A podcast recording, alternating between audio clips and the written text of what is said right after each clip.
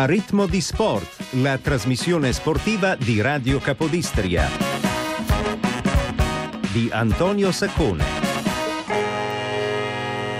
Buongiorno a tutti dalla voce di Antonio Saccone, ben ritrovati sulle frequenze di Radio Capodistria per questa nuova puntata di A Ritmo di Sport. 15 e 01 e 52 secondi in questo istante, 2 dicembre 2018, siamo in rigorosa diretta dallo studio 1 dove ci aspettano due ore davvero dense di appuntamenti sportivi sia per quanto riguarda queste ore che per questa giornata che eh, appunto sarà davvero molto molto molto densa. Cominciamo da quello che già sappiamo, sappiamo che il Milan ha vinto 2-1 contro il Parma nella partita dell'ora di pranzo della eh, quattordicesima giornata del campionato di calcio di Serie A. Eh, formazione ospite in vantaggio con un colpo di testa di inglese, pareggio con un bel diagonale di eh, Cutrone, decide un calcio di rigore trasformato da Chessi. Sempre più o meno all'ora di pranzo sono arrivati i sorteggi per quanto riguarda i gironi di qualificazione agli europei del 2020. È andata direi abbastanza bene per tutte e tre le squadre che ci riguardano. Insomma, l'Italia ha pescato la Bosnia-Herzegovina, Finlandia, Grecia, Armenia, Liechtenstein.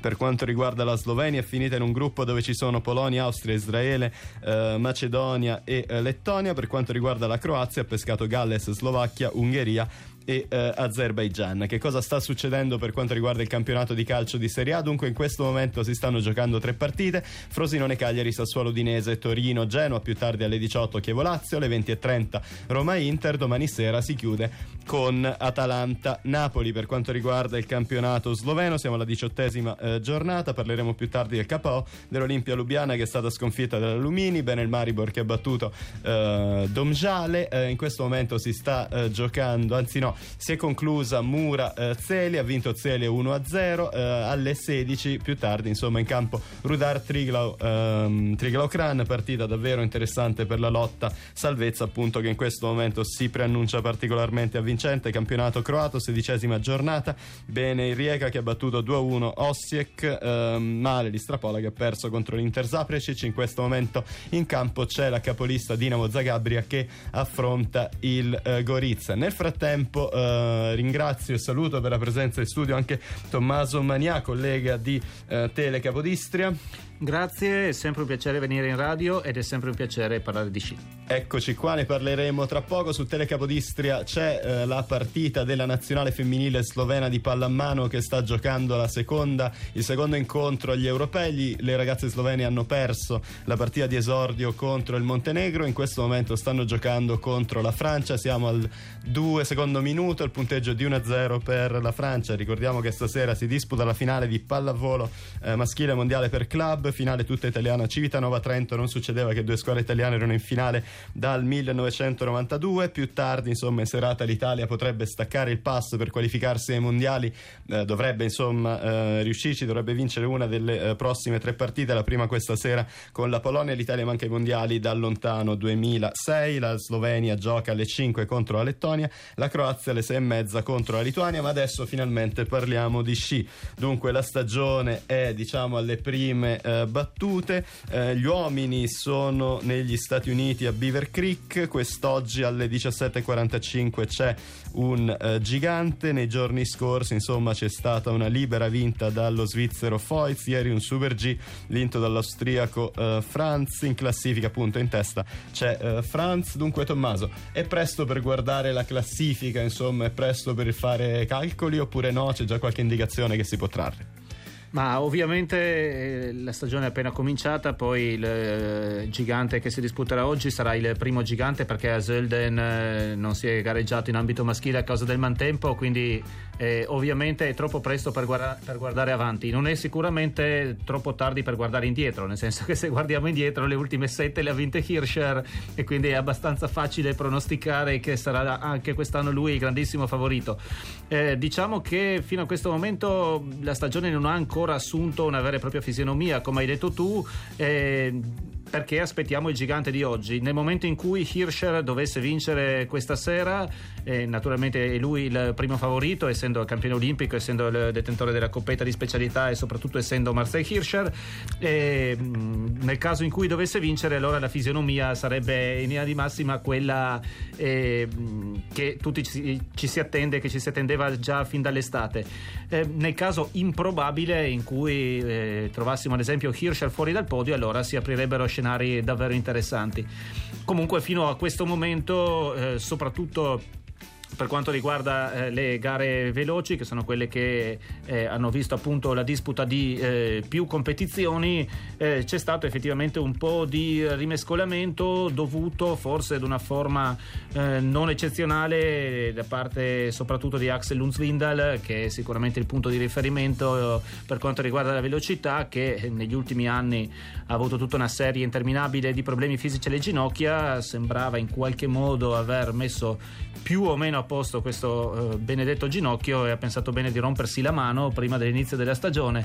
Ha gareggiato con eh, un tutore, visto che è stato sottoposto ad un'operazione chirurgica, non può assolutamente toccare le porte con la mano, non può rischiare nulla e ugualmente è arrivato terzo ieri, quindi a dimostrazione di quanto sia naturalmente lui il più forte in assoluto. Quarto è arrivato Paris, che cosa si può dire invece per la stagione dell'Italia? Quali sono secondo te le prospettive, le, le aspettative insomma attorno alla squadra azzurra? Eh, sì, eh, mi duole correggerti nel senso che Paris è arrivato sì quarto, ma nel senso che è arrivato terzo a pari merito perché c'è stato un ex equo fra eh, lui e, e Omod Kilde e appunto Dominic Paris. Paris che quindi ha portato a casa il suo secondo podio dopo quello ottenuto già a Lake Lewis eh, con un terzo posto in quel caso alle spalle di Christoph Innerhofer. Innerhofer è andato meno bene nelle gare eh, del Colorado. per quanto riguarda l'Italia dobbiamo attenderci, dobbiamo attenderci tanto da Paris e da Innerhofer perché fondamentalmente il resto del panorama è abbastanza desolante, soprattutto per quanto riguarda il gigante, già ormai da diverse stagioni, e sta arrivando ormai alla fine anche la candela dello slalom che ha bruciato man mano la cera anno dopo anno di Mölg e Gross. Ormai Mölg eh, siamo a 36 anni, e Gross ne ha 32, eh, cominciano ad essere un po' logori, giovani, interessanti. C'è Vinazzer che ha fatto molto bene delle ultime gare in Coppa Europa, però non sembra ancora maturo per eh, poter puntare assolutamente al podio ci sono invece altri suoi coetanei come il francese Noël che invece è già prontissimo per arrivare al podio lo avrebbe probabilmente già centrato a Levi se non avesse commesso un grave errore nella seconda manche. Eh, questo per dire che eh, bisogna quindi puntare ancora una volta sui soliti due, Innerhofer e Paris, il terzo dei tre tenori, per così dire, del, della velocità italiana Mm, ossia Peter Phil sembra abbastanza in difficoltà anche lui ormai eh, sembra aver imboccato la parabola discendente della sua carriera. C'è il sappadino Buzzi che sta venendo fuori in maniera diciamo discreta ma anche lui è lontano ancora da poter lottare per il podio. Casa slovena ieri un piazzamento nei primi dieci per eh, Cosi. Cosa, quali sono le aspettative invece per quanto riguarda la squadra slovena? E qua la nota dolente purtroppo riguarda Bostian Clinet eh, il quale dopo questo cambio di materiali ha delle difficoltà evidentemente anche a trovare trovare l'assetto giusto, soprattutto con gli scarponi. È andato male, diciamo la verità, sia a Lake Lewis sia nelle gare di Beaver Creek è un'involuzione veramente che non ci si aspettava. Eh, d'altronde lui eh, due stagioni fa eh, riusciva addirittura a vincere, lottava, ricordiamo i secondi posti alle spalle di Alexander Romot Kilde, adesso Kilde è ancora lì che arriva sul podio, invece Klein è involuto e finisce nelle retrovie. Eh, Cossi e Chatter, Cossi in particolare in queste gare, Chatter in quelle precedenti, hanno fatto il meglio di quello che è il loro attuale potenziale, però è chiaro che eh, diciamo così, la punta di diamante della squadra slovena dovrebbe essere Kline per quanto dimostrato negli anni scorsi anche per il talento di cui dispone e qui non andiamo quindi decisamente bene. Da questo punto di vista la Slovenia se non altro è messa un po', be- un po meglio dell'Italia nelle discipline tecniche invece perché eh, ovviamente c'è Kranjec che l'anno scorso ha sfiorato il podio in un paio di occasioni e che eh, dietro ai tre grandi, eh, naturalmente Hirscher, Christoffersen e Penturo, può sicuramente dire la sua in gigante, quindi nel caso uno dei tre steccasse eh, potrebbe sicuramente puntare ad ottenere un risultato sul podio in questa stagione. E poi c'è Stefan Hadalin che sta venendo fuori bene soprattutto forse per quanto riguarda lo slalom più che il gigante. Comunque anche lui è un giovane molto promettente quindi qualcosa da questo punto di vista in casa Slovenia c'è a differenza che in casa Italia Storia abbastanza diversa, insomma, per quanto riguarda le donne. Tra l'altro sono Lake Louise in Canada e nei giorni scorsi due discese libere vinte dall'austriaca Schmidhofer. Piazzamenti per, Slovene, per la slovena Stuchez, per le italiane De Lago e Nadia eh, Fanchini. Oggi alle 7 c'è un Super G. Eh, la classifica qui sembra, inizia, sembra più indicativa, insomma, per quanto riguarda, insomma, rispetto agli uomini. Sì, anche perché eh, appunto si è già disputato eh, un gigante, ovviamente gli slalom li vince la Schifrin, se ne sono già disputati due e quindi la Schifrin naturalmente è già in volata anche perché poi va bene anche in discesa, ieri ha chiuso quarta, lei che in discesa comunque è già stata anche capace di vincere l'anno scorso, quindi diciamo che il discorso in ambito femminile è ancora più chiuso, il pronostico è ancora più facile che in ambito maschile perché almeno fra gli uomini c'è Christoffersen che eh, arriva sempre lì e lì con Hirscher, quindi alla fine vince Hirscher ma deve lottare e sudarsi ogni singola vittoria, mentre eh, la Schifrin eh, onestamente eh, sta vincendo anche per dispersione della concorrenza. Ricordiamo che a Lake Lewis, anzi eh, bisognerebbe dire Lake Lindsay Way perché da ieri è stata ufficialmente rinominata e dedicata alla grande Lindsay Vonn la pista pista, la Olympic eh, Man, la pista di Lake Lewis, il proprietario ha deciso di dedicare all'americana che qui ha vinto per ben 18 volte in carriera ufficialmente quindi la pista è intitolata a suo nome ma la eh, Von non c'è perché è infortunata, non è un infortunio grave ma comunque ha dovuto saltare le sue gare preferite, non c'è soprattutto per quanto riguarda l'Italia Sofia Goggia che si è rotta il malleolo e quindi è fuori fino a gennaio, quindi mancano le prime due eh, che potrebbero se non altro insidiare la Schifrin in velocità, nel senso che eh, considerando le Schifrin ingiocabile in slalom, eh, in gigante ha già un po' più di concorrenza, se almeno ci fossero la Goggia e la Von, o almeno la situazione ideale sarebbe una sola delle due, così potrebbe fare bottino pieno nelle gare veloci, potrebbe equilibrare la supremazia in quelle tecniche della Schifrin.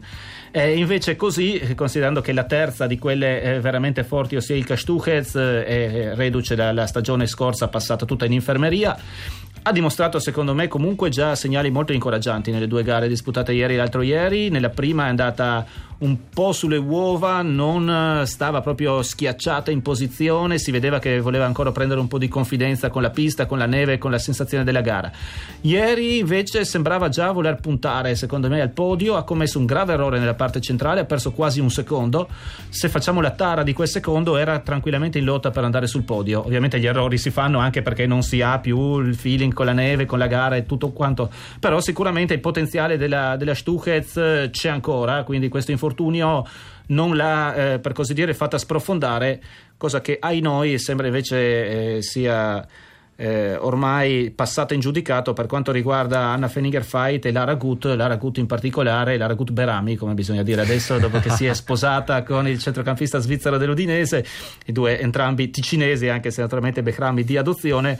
E non è certamente per colpa del frico che ha mangiato a Udine, visto che adesso è distanza proprio a Udine, ma fatto sta che è sembrata abbastanza appesantita la Gut eh, ieri, veramente una prestazione abbastanza incolore da parte sua.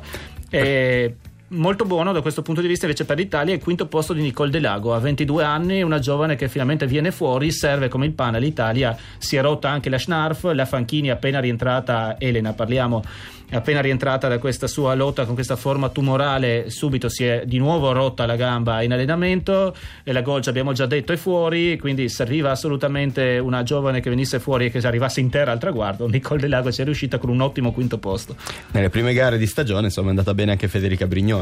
Sì, sì, la Brignone è sicuramente in forma. Eh, fra l'altro eh, quest'estate siamo riusciti a parlare con eh, Maria Rosa Quario, la mamma di eh, Federica, che fra l'altro è allenata da fratello, quindi anche lei fa un po' tutto in famiglia, ex grande sciatrice naturalmente l'Aquario, e avevamo proprio parlato, poi l'avevamo messo anche in zona sport, del suo rapporto di diciamo odio e amore con i successi di Sofia Goggia che Federica ha sofferto molto all'inizio perché era lei la numero uno italiana. Nel momento in cui è esplosa la Goggia eh, lei ha patito molto è rimasta diversi mesi senza riuscire a vincere poi è riuscita a reagire gira, ha detto vabbè se ce la fa lei posso farcela anch'io, ha tirato fuori il meglio di sé e si è scatenata una rivalità molto più sana. Eh, forse adesso anche eh, più libera diciamo dalla presenza ingombrante di Sofia Goggia, scia un po' a mente sciolta e tecnicamente abbiamo sempre saputo che è una delle più brave gigantiste in assoluto.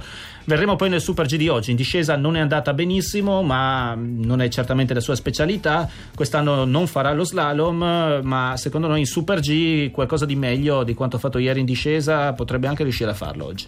Oggi mentre venivo qui mi è venuta in mente una cosa, stavo guardando, insomma stavo ascoltando via radio Milan-Parma che è la prima partita che io avevo visto in diretta allo stadio di San Siro, il primo anno che il Parma eh, faceva, il primo campionato del Parma in Serie A mi portò mio zio che sceglieva appunto le partite più tranquille che gli sembravano più appropriate a portare insomma allo stadio un, un bambino. Io mi chiedo così, no, una curiosità. Non era quella ho. che a Spriglia ha fatto quel gol clamoroso? No, no, no, no, no, no, no, vinse il Milan, non mi ricordo il punteggio, vinse il Milan, quello era più avanti a Spiglia interruppe un record di imbattibilità del, eh, del Milan. No, quello che mi chiedevo, vorrei fare questa domanda diciamo al giornalista, alla persona che racconta lo sport.